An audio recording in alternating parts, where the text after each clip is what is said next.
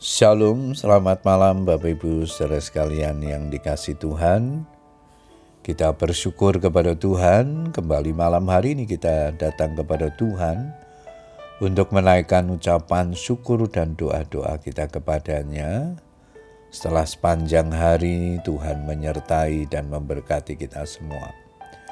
Malam hari ini sebelum berdoa saya akan membagikan firman Tuhan yang diberikan tema Firman Tuhan seperti api, bagian yang kedua.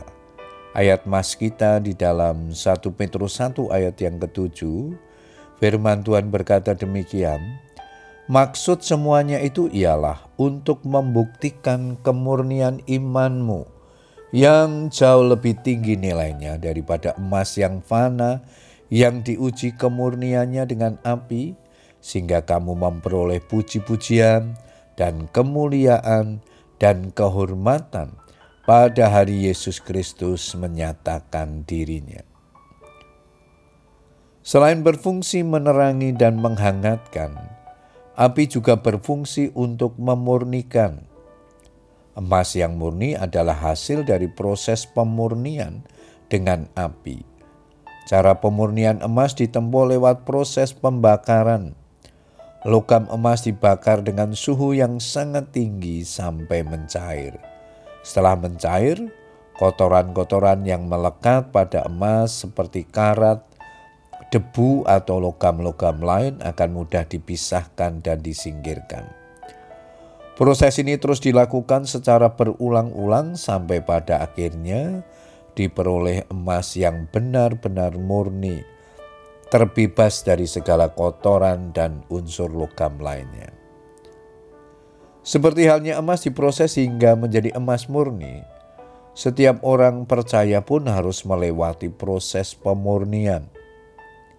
Saat diproses, memang sakit secara daging, tetapi semua mendatangkan kebaikan bagi kita, supaya sifat-sifat lama kita hilang.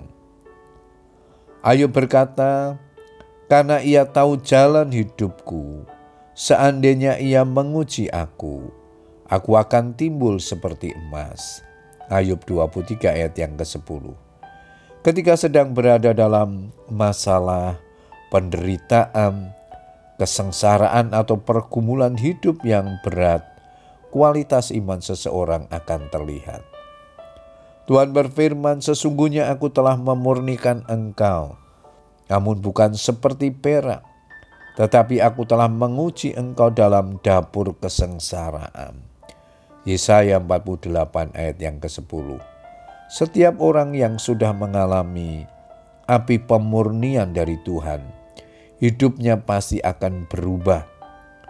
Tokoh-tokoh di dalam Alkitab dan tidak terkecuali hamba-hamba Tuhan juga pasti mengalami dan merasakan proses dari Tuhan. Maliaki menubuatkan tentang kedatangan Sang Mesias atau Kristus sebagai api tukang pemurni logam dan sabun tukang penatu.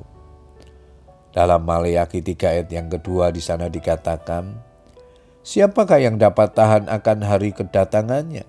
Dan siapakah yang dapat berdiri apabila ia menampakkan diri?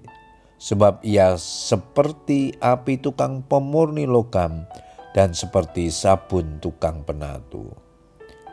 Yesus Kristus datang untuk memurnikan dan membersihkan umatnya dari segala kecemaran. Puji Tuhan Bapak Ibu Saudara sekalian, biarlah kebenaran firman Tuhan yang kita baca dan renungkan malam hari ini menolong kita untuk kita terus dibaharui oleh firman Tuhan, karena firman Tuhan itu akan menolong kita membersihkan diri dari segala kelemahan dan dosa kita, dan menolong kita untuk terus hidup benar di hadapannya. Selamat berdoa dengan keluarga kita. Tuhan Yesus memberkati. Amin.